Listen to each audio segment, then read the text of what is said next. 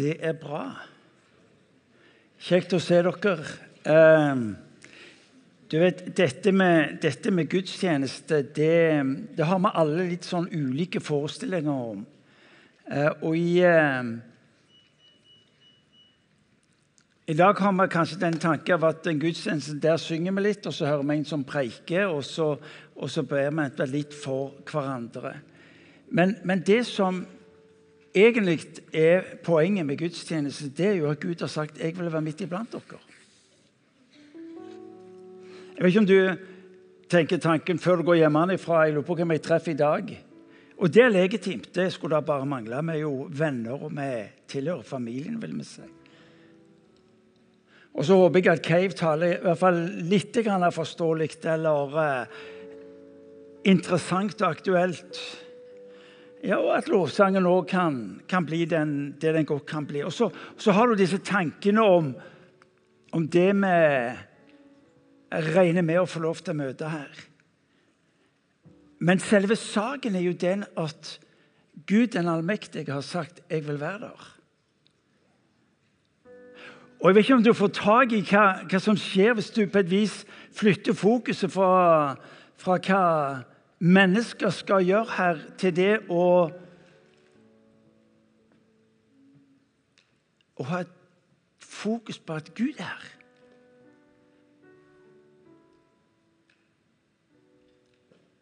Allmaktens Gud har sagt at jeg, jeg vil være midt iblant dere.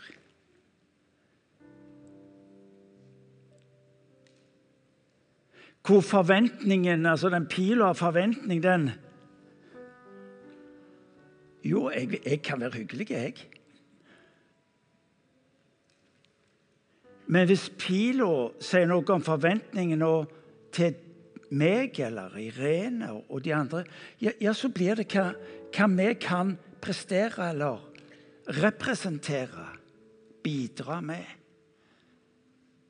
For, for det, er, det er noe her som du må få tak i. Det at det du og meg har forventning til, det vil vi også få lov til å se virkeliggjort imellom oss. Hvis jeg ikke har noen forventning til Gud, hva, hva tror du skjer da? Ja, Som ofte så går du herfra så opplever du ingenting med Gud.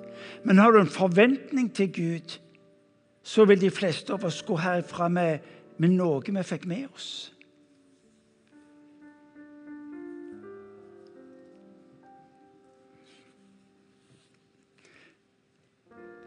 Allmaktens Gud er mellom oss. Han sier, 'Der hvor to eller tre er samla i mitt navn, der vil jeg være'. Og så har han et ønske om å berøre ditt og mitt liv. Han sier, 'Søk mitt ansikt', står det i Salme 105, vers 2. Ikke fordi at du primært skal oppdage hvor vakker han er, for det vil jeg òg tro han er. Men når du, når du får lov til å se hans ansikt, så får du både øye på hvem han er, og hvem han vil være i ditt liv.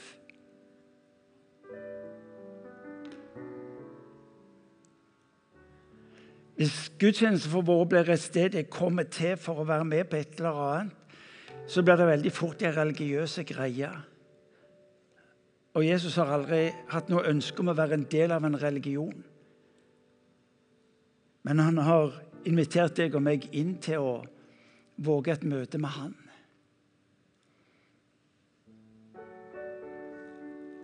Og det er det som gjør en gudstjeneste blant annet som dette noe annerledes enn golfklubben eller håndballkampen eller fotballkamp. Nå taper jo Viking de fleste kamper likevel, men rent bortsett fra det altså Allmaktens Gud har steget ned.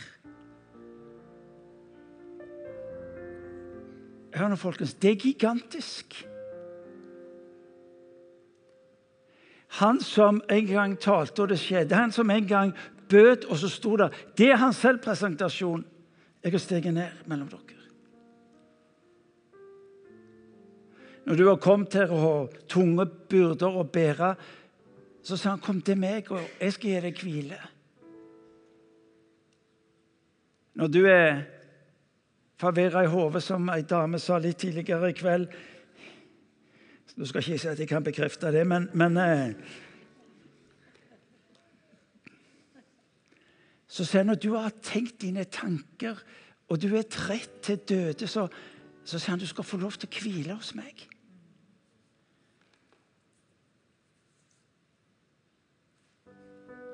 Gudstjeneste er ikke primært at du og vi kommer sammen. Gudstjeneste er primært at han har lovt å være til stede mellom oss for å møte deg og meg der vi er, som de vi er, fordi han elsker. Og så vet ikke jeg hva denne dagen har gjort med deg, eller hva uka bak eh, preger deg i dag. Men det vet jeg, at uansett hvor du befinner deg i ditt liv, så er han den som sier 'Jeg vil la mitt nærvær gå foran deg'. Andre Mosebok kapittel 33. For at du aldri skal kunne klare å definere deg ut forbi min nåde.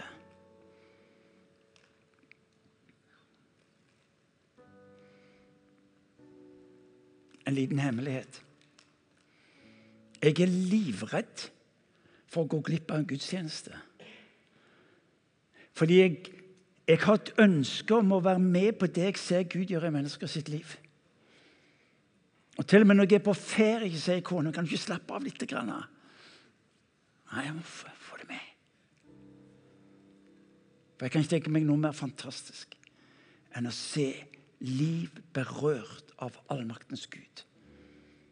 For så å gå herifra og bety en forskjell der ute. Kan vi starte der? Hvor du og vi får lov til å ikke primært forberede deg på å høre en Det kan bli en rimelig god tale. Men primært får å erfare at Gud berører livet ditt. Kan jeg be dere om å reise dere?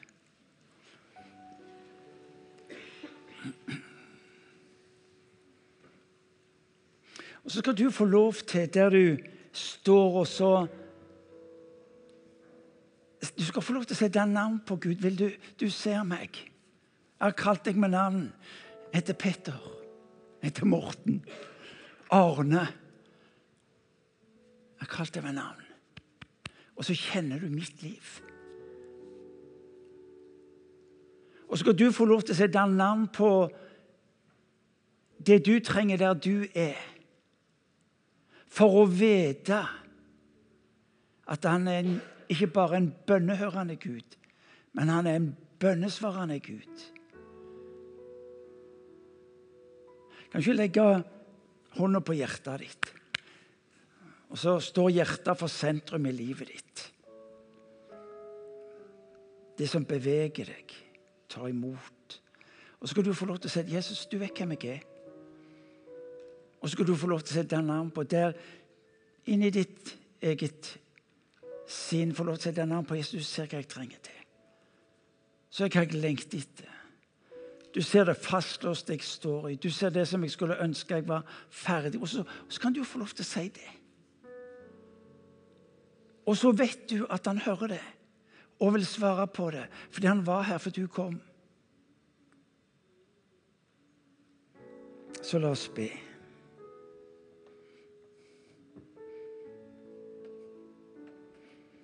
Herre Jesus Kristus, da du dør på korset, så er det fordi du vet hvem vi er, og betaler prisen som er nødvendig for at vi skal få lov til å leve et nytt liv. Far, vi takker deg fordi du har satt oss fri til å gå med deg. Få lov, Herre, til å ha fellesskap med deg. Fordi du har rydda til side, Herre, synden, syndens makt syndens bånd for at vi skal få lov til å leve med deg. Og nå ber jeg, far, om at den enkelte av oss her vi står, sammen med deg, med alle englene, du som er Abrahams Gud og Isaks Gud og Jakobs Gud, som gjennom generasjoner har holdt det du har lovt, som gjennom generasjoner har demonstrert at du er en Gud å stole på, som gjennom generasjoner har demonstrert, Gud, at du verken er gått ut på dato eller gått trøtt. Nå ber jeg, far, for oss som er. La oss få lov til å være et folk, Herre, som setter navn, Herre og det vi trenger til at du gjør i vårt liv. Så kom nå, Herre, til den enkelte av oss her vi står. Du hører våre sukk, du hører vår rop der inne. Du, du kjenner oss. Så kom, Herre. Det er vår bønn. Far, jeg velsigner den enkelte.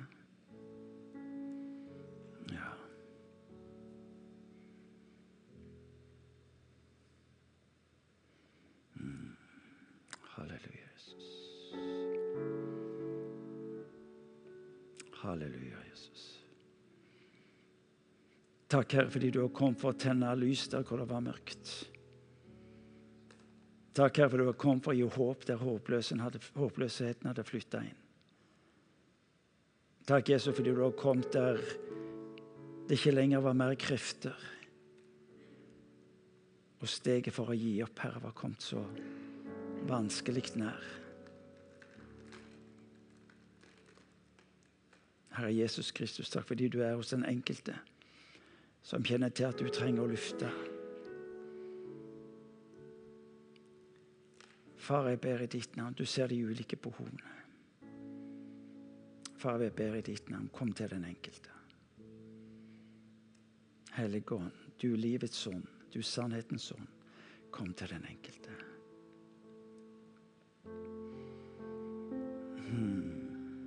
Takk, Jesus.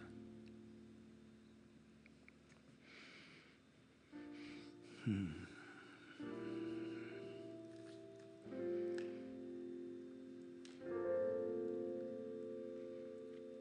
Og mens du står der, så ta imot velsignelsen. Det betyr ikke at talen er ferdig, men hvorfor må alltid velsignelsen komme til slutt? Herren velsigne deg og bevare deg. Herren lar sitt ansikt lyse over deg og være deg nådige. Herren løfter sitt ansikt på deg og gir deg sin fred. Amen. Vær så god, sitt. Vi gir Håvard en klapp. Takk skal du ha, Håvard.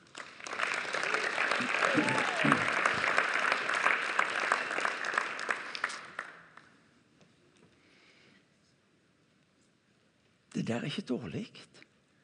Få lov til å starte der.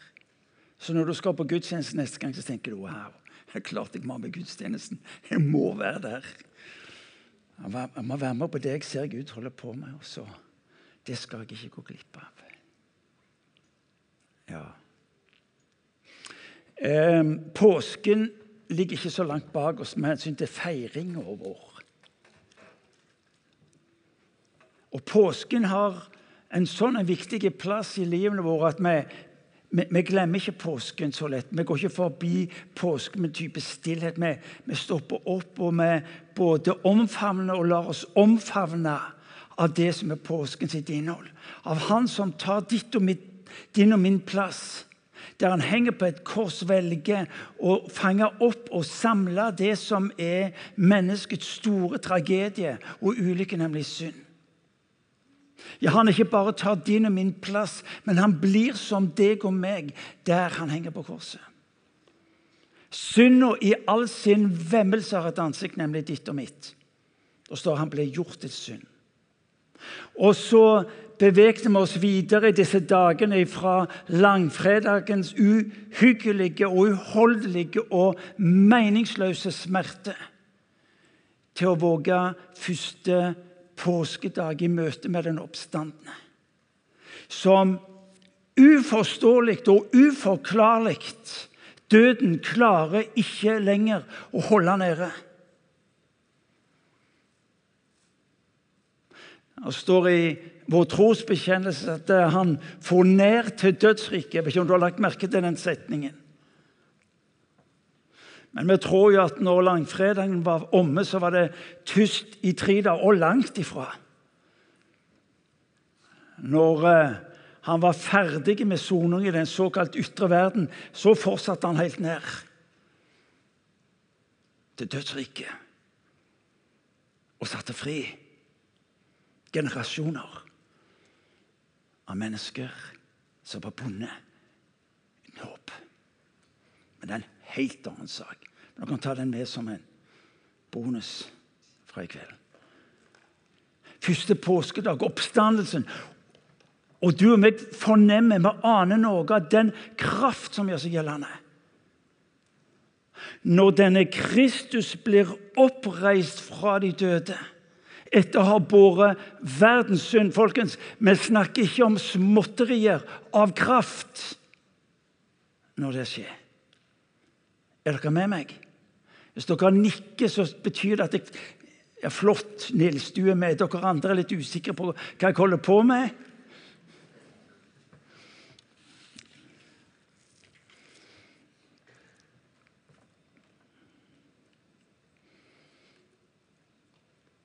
Paulus er en av kirkens viktige ledere den første tida.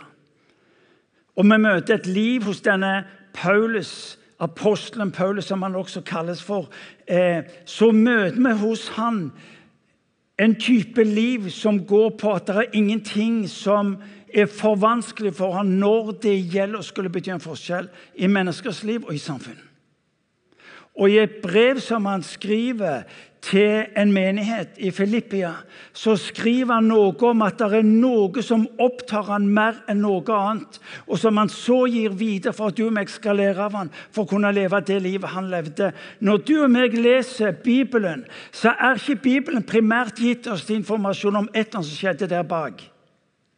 Bibelen er gitt deg og meg, ikke primært til informasjon, men til transformasjon. Slik at det du og meg leser her, skal du og meg kunne vite at det livet som Gud presenterer for oss her, det er det livet han kaller deg og meg til å leve i dag. Wow!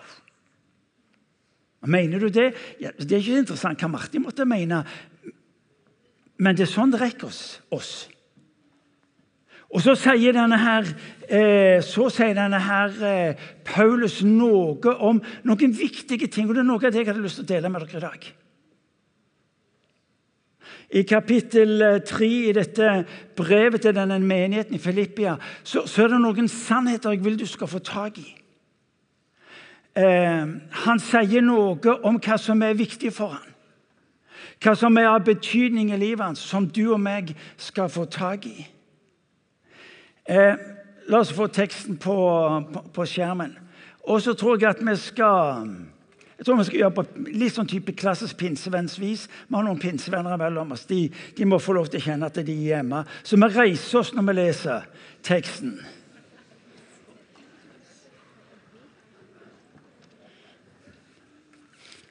Og så proklamerer vi Guds ord. Leser høyt sammen. Ja, jeg regner alt som tap fordi det å kjenne Kristus Jesus, min Herre, er så mye mer verdt. For hans skyld har jeg tapt alt, og alt jeg har tapt, regner jeg som verdiløs skrap, bare jeg kan vinne Kristus og bli funnet i ham, ikke med min egen rettferdighet, den som loven gir, men med den rettferdigheten jeg får ved troen på Kristus. Det er rettferdigheten fra Gud bygd på tro. Da kjenner jeg ham og kraften av hans oppstandelse får del i hans lidelser og blir ham lik når jeg dør som han. Måtte jeg bare nå fram til oppstandelsen fra de døde. Du kan la teksten stå på. Vær så god, sitt. Kjenne ham og være kjent av ham. Paulus er opptatt med at nøkkelen i livet hans vil være å være kjent av Gud den allmektige. Han snakker om å kjenne Han, dvs. Si ha kunnskap om Han. Fordi kunnskapen tar han inn i en relasjon som hjelper han til å få øye på hvem han er. Men ikke bare kjenne Han, men være kjent av Han. Hør nå, det er forskjell på om du kjenner kongen, og kongen kjenner deg. Hva er det? Det er forskjell hvis jeg sier du jeg kjenner kongen, og du sier tullekopp. Det er jo, det er jo minst 5,5 millioner nordmenn som kjenner kongen. Men hvis kongen på TV sier men, men jeg kjenner Martin, du, han i Stavanger Da skal jeg fortelle deg, da vil folk rundt forbi si wow, han kjenner deg. Paulus er opptatt med å ha en relasjon til allmaktens Gud som er på nivå av Han kjenner meg, han kjenner mitt navn, han vet hvem jeg er. Du har kalt meg ved navn. Det ligger i bånn for, for, denne eh, medarbeideren i menigheten så ligger det en type tydelig bekjennelse av Jeg er kjent av. Nøkkelen i Paulus sitt liv er at han er kjent. Eh, I en engelsk oversettelse så står det noe om 'embrace Christ', altså omfavne Kristus. Og så står det 'embraced by Christ'. Hva er kristendommens egentlige anliggende? Er at Gud den allmektige får lov til å omfavne deg. Hva vil det si å være en kristen? Det er at Gud får lov til å være Gud i livet ditt. Og alt det andre du og meg har hekta på, som vi trenger til for at vet du hva, Det er støy. og det er sånn, at Jeg kan ikke legge det til side. Jeg spør om én ting. La meg få lov til å omfavne deg. La meg få lov til å omfavne deg. Hva vil jeg se være en kristen? Det la Gud få lov til å omfavne deg.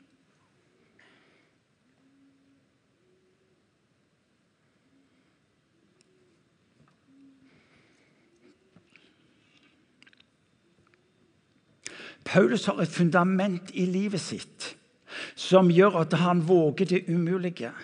Og der er, der, der, der er et par-tre setninger der som er litt sånn type krevende. fordi at Den type språkbruk som vi ikke helt forstår, og som er henta litt fra jussens verden, der, snakkes noe om rettferdighet. Eh, det tales om en rettferdighet. Det betyr at du som hvis historie ikke bare ved det du gjør, men egentlig og primært ved det du er Ditt store problem som menneske er ikke primært det du gjør, men hvem du er.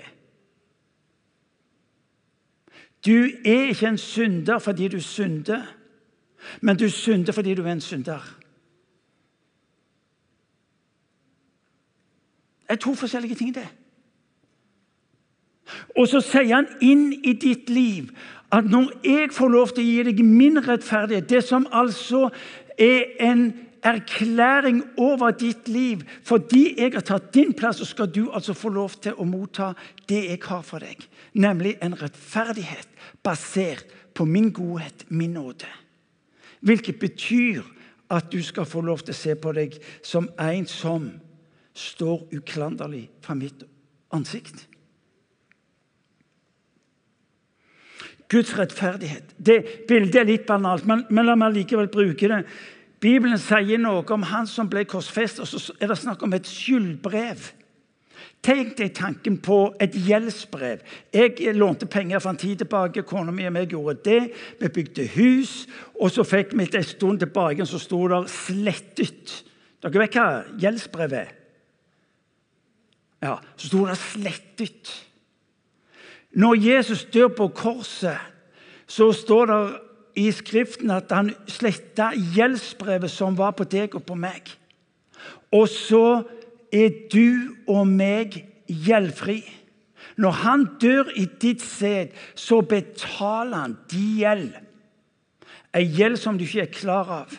En gjeld som var av en sånn karakter at eh, når han inviterte deg inn i sitt rike, så var det mulig for deg å komme inn fordi du var så full av gjeld. Så, så leser du og meg om at han erklærer deg og meg for gjeldfri fordi han har betalt regningen på ditt og mitt liv.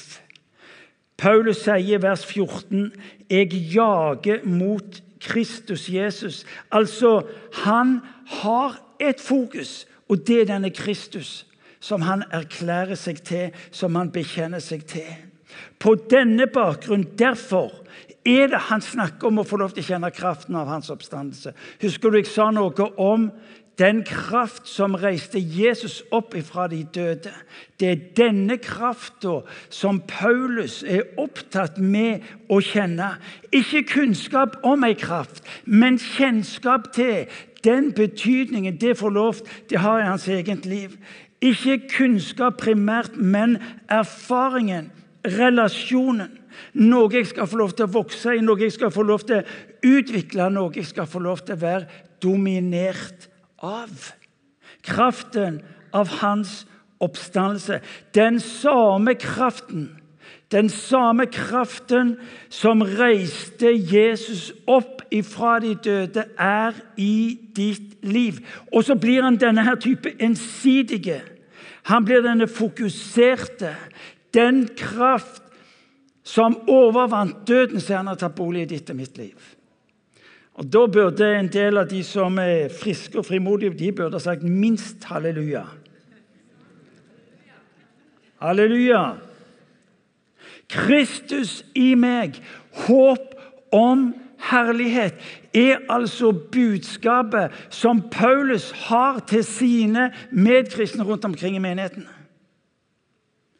Denne Kristus, uansett omstendighetene, så er altså Bibelens budskap kraften av hans oppstandelse i ditt liv. Vet du hva? Når du tar imot Jesus Kristus fordi du tror at du får lov til å ta hans rettferdighet, så står det han tar bolig i ditt liv. Vet du hva det betyr? Med hele oppstandelseskraften i ditt liv. Det er ikke slik at kraft, oppstandelseskraften er noe der ute. Oppstandelseskraften er i ditt liv ved denne personen Jesus Kristus. Kristus i meg. Men det er snakk om å få lov til å kjenne. For det jeg kjenner, det kan jeg forholde meg til. Og det jeg kan forholde meg til, det kan jeg få lov til å se vokse i mitt eget liv. Jo, men jeg må slutte å håpe å hente et eller annet der utenfra enn det livet mitt. Kristus i meg, i meg, håp om herlighet. Kristus for meg. Det betyr han har gjort noe som han ikke angrer på, og som skal få lov til å være ditt utgangspunkt til å leve det livet han kaller deg til å leve. Kraftige greier. Han møter deg og meg i det som var dødt, med sitt liv, for at du og jeg skal få lov til å leve hans liv. For å leve hans liv.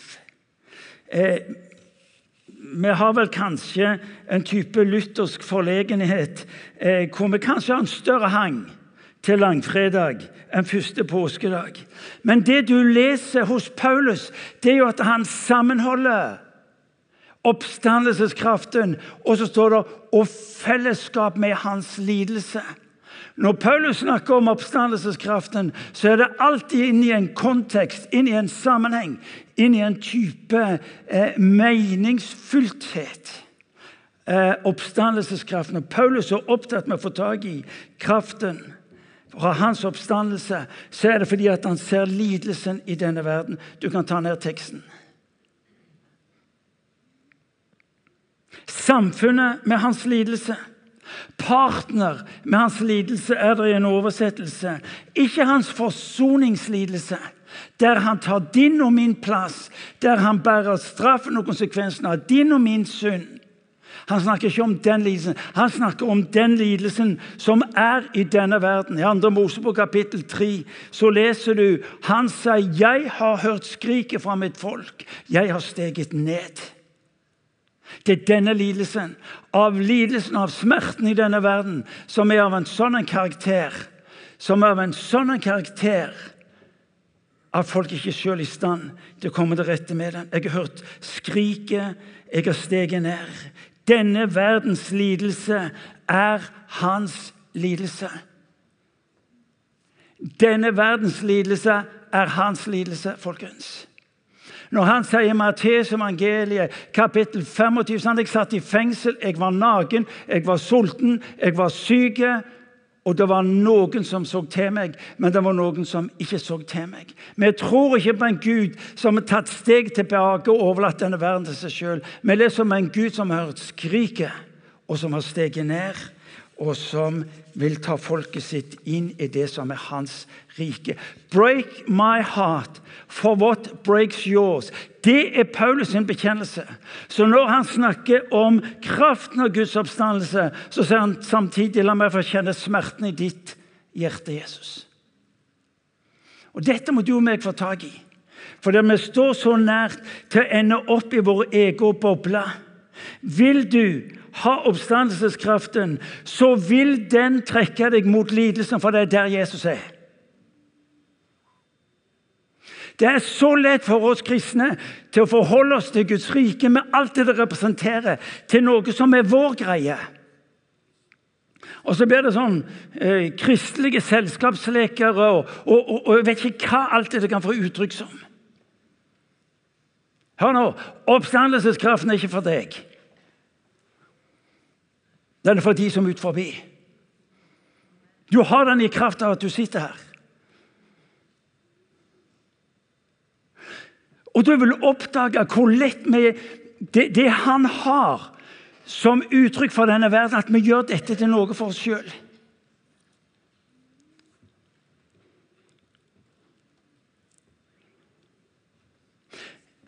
Din og min største fare det er at vi gjør oss sjøl til sentrum. Han steg ned for meg. Ja, det er riktig. Men når du er berørt av Hans nåde, så blir du hans svar på skriket hos de menneskene som er rundt deg. Fordi du tenker som han tenker, du ser som han ser, og du handler som han handler. I det øyeblikket du ber om å få kjenne kraften av hans oppstandelse, så vil han si, 'Her er min lidelse.' Der ser du retningen. Men du og meg står konstant i fare for å gjøre dette til, opp til vårt eget. Se litt på sangene vi synger. Ikke bare nye, men gamle. Sangene har dette nesten umiskjennelige preget av meg, mitt og mine. Der er noe der. Mens profetiske, den profetiske kraften i lovsangen skulle jo få lov til å ta oss nettopp ut i møte med lidelsen. Denne verden det interesserer de midt på den berømte ryggen hva vi holder på med i dette huset. De skjønner ikke hva vi holder på med. Men når de får erfare oppstandelseskraften i sine egne liv, vet du hva? da er det et profetisk uttrykk som gjør at folk skjønner hvem Gud er. Jeg har sagt til mine venner her på huset at når det gjelder å skrive nye sanger, så må vi ikke miste denne kraften. Denne profetiske kraften av en Gud som er nær lidelsen. Break my heart for what breaks yours, er sangen vår. Kanskje tenker du Ja, men jeg det var så mye som skulle vært i livet mitt. og en ting er kraften av hans oppstandelse, men det var så mye som skulle vært li, eh, forandra livet mitt før han kunne Hør nå, Gud er vel ikke opptatt med hva som kan forandre seg i ditt liv. Han er ikke opptatt med hva du får til eller ikke får til. Han spør om én ting. Kan jeg få lov til å omfavne deg på en sånn måte at de rundt deg skjønner at jeg er en Gud som er god? Denne verden ser ikke etter perfekte, perfekte mennesker.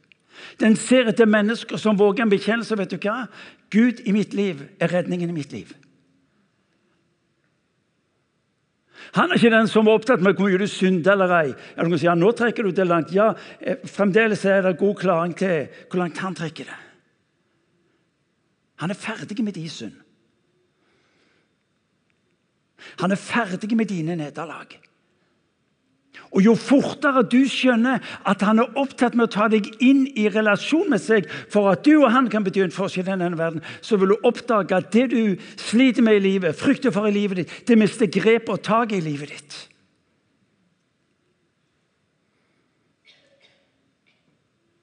Det er Paulus' formaning litt lenger ute. Vet du hva som er alvoret? At når, når kraften av hans oppstandelse blir brukt utelukkende på vår egne liv, vet du hva som skjer? Det er at likegyldigheten flytter inn. Likegyldigheten for de er forbi. For livet vårt kan bli sånn en søken etter det jeg skal oppleve, det jeg skal være med på, der jeg skal velsignes. Det var derfor jeg sa fram velsignelsen innledningsvis. Så har du fått det du trenger.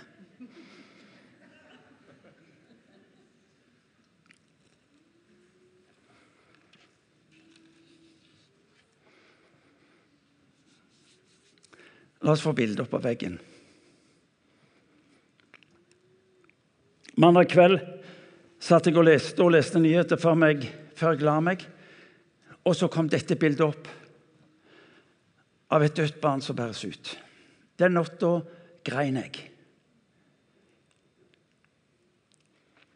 Fordi det ble, det ble så sterkt, og det uttrykte så meningsløst denne verdens, verdens måte å behandle hverandre på. Synspunkt på krigen kan vi alle ha. Men den synliggjør en lidelse blant mennesker som er ubeskrivelig. Der en mann med gassmaske bærer ut et barn, et dødt barn.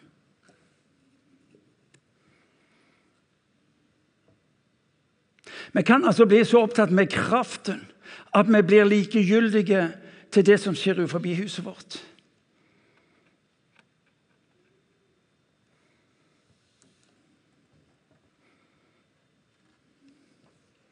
Og da må jeg spørre, Hvordan er det mulig? Hvordan er det mulig at vi som mennesker kan behandle hverandre på den måten? Og så blir egentlig bildet bare et uttrykk. Summen av alle de ulike måter som er med på å påføre hverandre lidelse. Paulus er opptatt med å sammenholde han. Kraften av hans oppstandelse med denne lidelsen som du og meg her møter.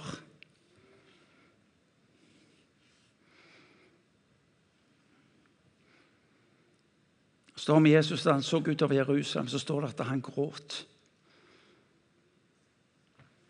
Ser dette bildet, så er det det som kommer til meg, den gråtende Gud.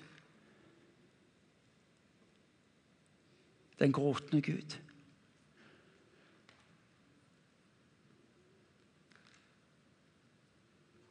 Folkens, vi har ikke lov til å være likegyldige for dette.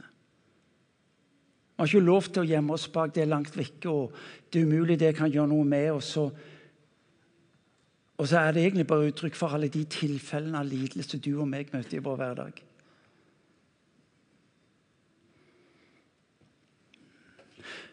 Hør dette. Det som kraften i hans oppstandelse er ditt mål, så vil, så vil lidelsen bli din arbeidsplass.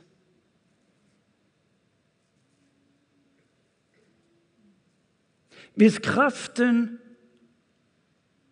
av hans oppstandelse er ditt mål, så vil lidelsen bli din arbeidsplass. For du kan ikke vende ryggen til han. Du kan ikke lukke øynene for han.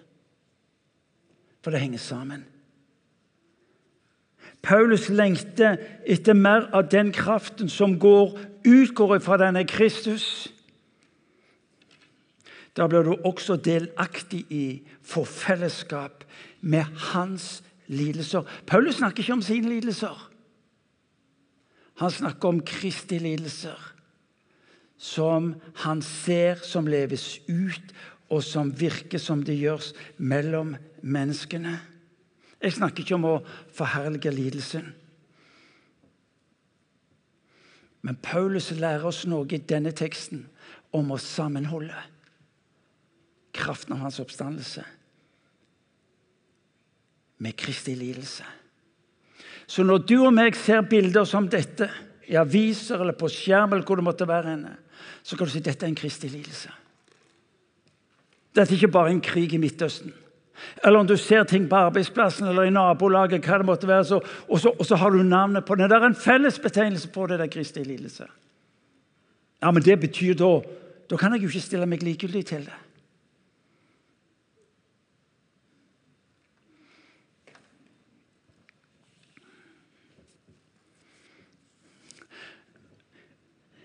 Ja, Det er litt alvorlig, det er det. Men det var derfor han kom. Det var derfor han kom. Vi vil gjerne omfavne og omfavnes av kraften, men da trekkes du og meg også inn i en gudsrike tenkning som av naturlighet omfavner lidelsen.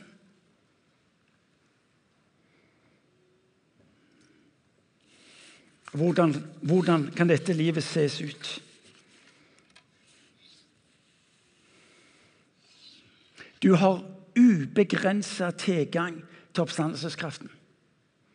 Det er denne dynamis Ordet for dynamis som du leser i denne teksten, er det samme ordet av kraft som du leser i Apostelens gjerning kapittel 1, vers 8, hvor han sier at dere skal motta kraften.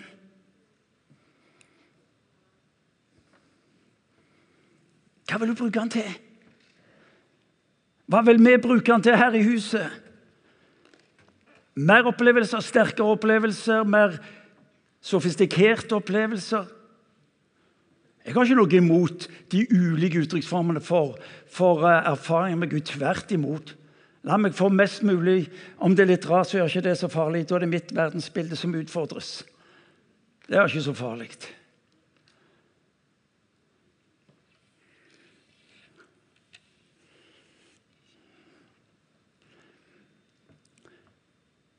Spørsmålet ikke er kraften, hva du vil bruke den til, men hvor vil du bruke den? Hvor vil du bruke den? Dere har hørt oss si det til det kjedsommelige, at mennesker har ikke sagt nei til Jesus. De vet ikke bare riktig hvordan han ser ut. Og vi rører akkurat ved det her. Paulus snakker ikke om sin lidelse, han snakker om Jesu lidelse. For når oppstandelseskraften får gjøre sin gjerning i mennesker sitt liv, så blir det ikke bare snakk om et menneske som, som løftes, som overlever, men det er snakk om å forandre en situasjon. Når Paulus er opptatt med oppstandelseskraften, får tak i dette, her, så er hans spørsmål kontinuerlig Jesus, hva gjør du nå? Jesus, hva gjør du nå? Hva betyr dette i de menneskene som jeg nå får lov til å være sammen med? Jesus, hva gjør du nå? Og jeg får lov til å bli med på det han gjør. Når du og meg møter lidelsen, så blir ditt og mitt spørsmål Jesus, hva gjør du nå? I dette mennesket sitt liv, i disse menneskene sitt liv, inn i denne situasjonen, så er vi ikke mennesker som tar et steg tilbake og sier jeg skal be for deg om du tar et steg fram. Og sier hva gjør du nå, og på hvilken måte kan jeg få lov til å være en del av ditt svar inn i det som nå skjer? Vi kan ikke tåle andre menneskers lidelse i denne menigheten. Hvis ikke det er bekjennelsen vår, så lever vi uærlig mot det som er kallet vårt. For til dertil blir han sendt til denne verden. Og til det er du meg kalt å være hans etterfølgere. Det at du og meg møter lidelsen, kaller han oss til å være mennesker som står opp og omfavner med den oppstandelseskraft som han lar oss få være en del av. Vitnesbyrd om den første kristne kirka det var når epidemiene og katastrofene rein eh, hele nasjoner. Som forteller historien hvordan innbyggerne trakk seg ut mens de kristne ble værende, og sågar flytta inn i områder hvor epidemien var det som rådde. Vi er kalt til en annen type liv. Det er en annen type eh, kultur ved at der hvor mennesker trekker seg tilbake, kalles vi til å ta et steg fram. Og nettopp her ble kraften et profetisk eh, uttrykk og kjennetegn på Han som er Jesus Kristus. Vi sang en av, Du kan ta ned bildet. Noen mener sikkert at det bildet har hengt opp altfor lenge. Vi sang en nydelig sang her, eh, dette koret, hvor, hvor, hvor det vi sang, var 'Coming After Me'. Hør nå. Du og meg tror på en Gud, vi tilber en Gud som kom etter deg og meg. Ikke for å ta oss, men for å lufte oss og sette oss fri.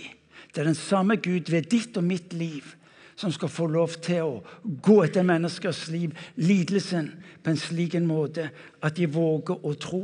Og hvem kan klare seg uten hans oppstandelseskraft, uten det å være naturlige, om vi ikke nettopp får lov til å leve i det når vi skal møte denne verdens lidelse. Jeg har ingenting å gå med. Mine vennlige ord, min varme og jeg vet ikke hva. Hvorfor i all verden skal jeg operere med et minimumsopplegg av det jeg produserer, når jeg har altså oppstandelseskraften tilgjengelig? Hør nå. La oss få lov til å være et folk som lærer av Paulus, som sier jeg har ett fokus. Det er kraften av hans oppstandelse. Da har du også det du trenger for å møte lidelsen. Fordi den tar ikke sitt utgangspunkt i hva du måtte klare å prestere, men hva du vil våge å gi ut av det du har. La oss få lov til å ta inn eh, i våre liv eh, nettopp det å gi videre. Marit fortalte om, om Helene.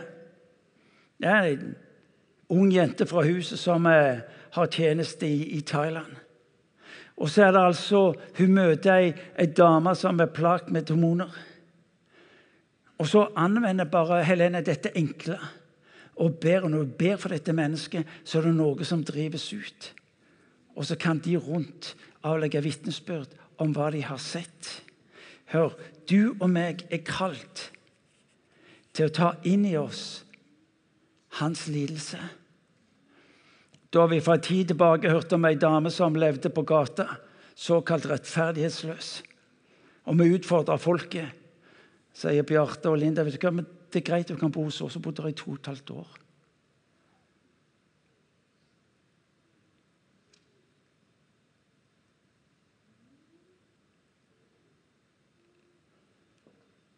Ser du det?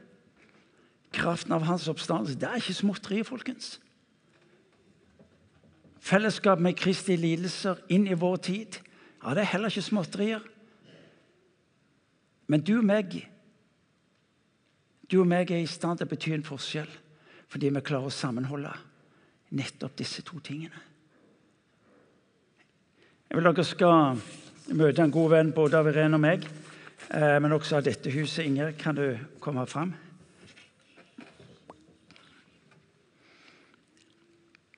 Inger reiser for tida rundt og preiker. Jeg har hørt henne tale glimrende og preike. Hun eh, bringer håp inn til mennesker med sine ord. Snakker sterkt om tilgivelse på en sånn måte at mennesker som var fastlåst i et livsmønster, eh, våger å bryte ut og begynne et nytt liv. Men det var ikke alltid sånn for deg. Nei, det var Skal vi skal bare skru på den, tror jeg. Ja, den er på. Nei, det var ikke alltid sånn. Eh, men det var sånn at jeg fikk møte Jesus sine hender om akkurat det Martin snakker om i dag. Når jeg var 17-18 år, så møtte jeg noen i byen Det var faktisk Irene og Martin. Eh, så var Jesus sine hender for meg. Alle andre hadde mista håpet for meg, og jeg hadde vel ikke håp sjøl heller. Men de så det. Og så fikk jeg lov å begynne på nytt. Jeg fikk være der, og så hjalp de meg å komme på et avrusningssenter. Og så gradvis så fikk jeg livet tilbake igjen. Men det var fordi at noen var i Jesus sine hender og gjorde det som vi Jesus sier at vi skal i misjonsbefalingen. Gå ut og gjøre alle folkeslag til mine disipler, sier han. Og hadde ikke de gjort det, så hadde ikke jeg stått her i dag. 40% av de ungene jeg vokste opp med, og vi var 113 unger som vokste opp på samme plass, de tok livet sitt og var ikke så heldige eh, som fikk møte noen som var Jesus sine hender. Så kan du si at jeg var en av de heldige, jeg, da. Så sitter jeg og tenker på vennene mine som ikke møtte. Irene og Martin som var kjempeunge, skulle gifte seg. Og så drar de meg inn i det hjemmet der. Alle dere som sitter her, og heisker på alderdommen sånn som de var. Når jeg fikk en mulighet. Og vi kan alle bety en forskjell for mennesker. Sånn at det kan stå andre mennesker her om noen år og si at de fikk en mulighet. Takk skal du ha.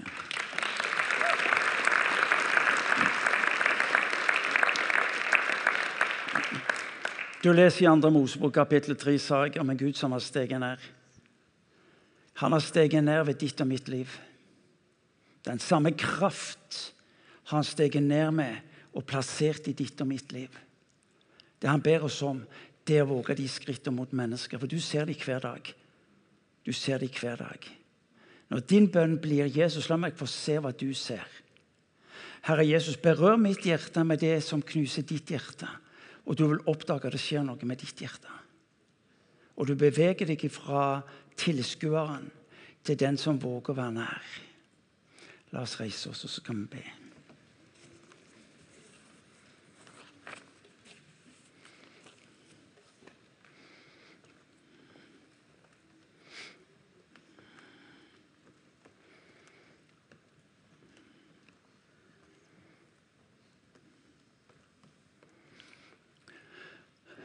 Jeg har, en, jeg har en drøm når det gjelder dette huset. Det at eh, vi ble kjent som et sted hvor vi ikke bare snakket om lidelse, men at vi gjorde noe mer. At vi først og fremst hadde en oversikt og vi hadde lest nok om den til å mene noe, men vi gjorde noe med den.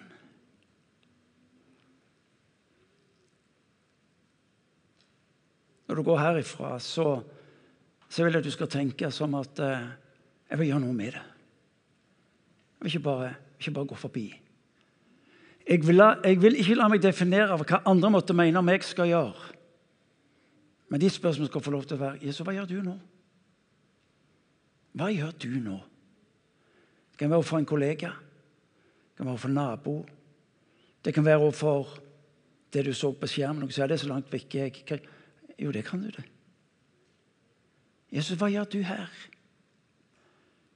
Og Det var det som prega Jesu liv. Det var at han tok de inn til seg, og så hjalp han de til å se som han så, for så å handle som han handla.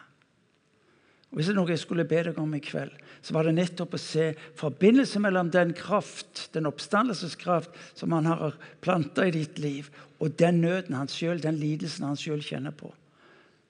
Og det er godt mulig du skulle våge på Jesus, griner du? Etter gråter enkelte steder av landet, men på skikkelig norsk er det griner du? Ja, jeg griner. Ja, Noe av dette som vi ikke forstår eller får tak på, men, men den Gud vi tror på, den allmaktens Gud vi tilber, en Gud som griner. Og så er det du og meg som har gitt muligheten til å bety nettopp denne forskjellen. Ved at vi sammenholder kraften som ligger i Han, og i møte med den lidelsen som rir denne verden.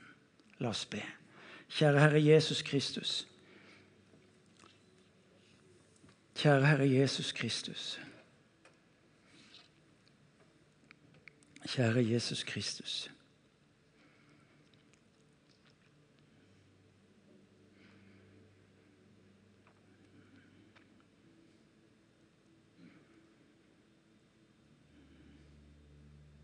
Du sier du har hørt skriket fra denne verden.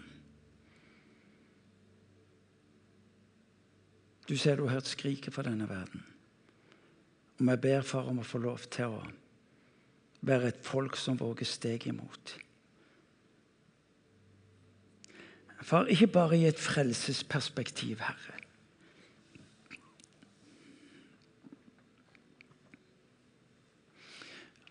Se på meg. Av og til så er vi så styrt av at mennesker skal bli frelst,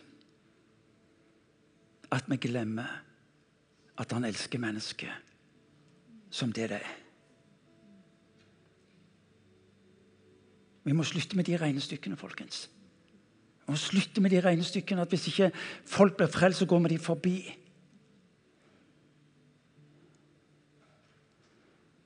Han har satt en så høy verdi på hvert menneske at om når dette mennesket vendte han ryggen, så vil han allikevel berøre det mennesket med sin nåde.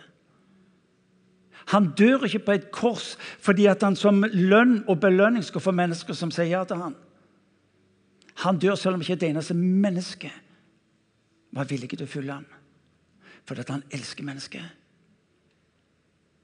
Det er den verdien når han snakker om at så høyt elsker han. Får dere tak i hva jeg sier?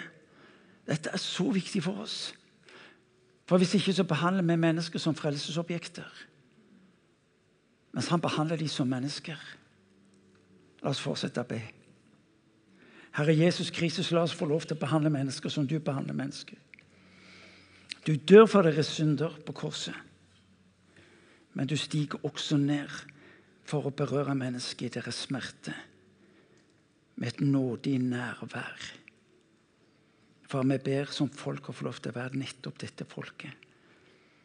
Vi kan ikke stige ned, men vi kan stige inn i. Og vi ber for å få lov til å være der lenge nok. Lenge nok til at mennesker får øye på deg og forstår at det er håp. Far, vi ber om det i ditt navn. Jeg ber for den enkelte av oss her vi står. Kjære Gud. Jeg ber om at vi skal få lov til å være et folk som, som bærer med oss nettopp håpet. Og nettopp din kraft, Herre Jesus, var det som berørte og forvandla. Kom, Hellige jeg ber om det i ditt navn. At vi kan kjenne kraften av din oppstandelse. Slik at samfunnet med dine lidelser Jesus ble også til håp for mennesker. Vi ber om det i ditt navn, Jesus. Jesus, vi tilber deg. Amen.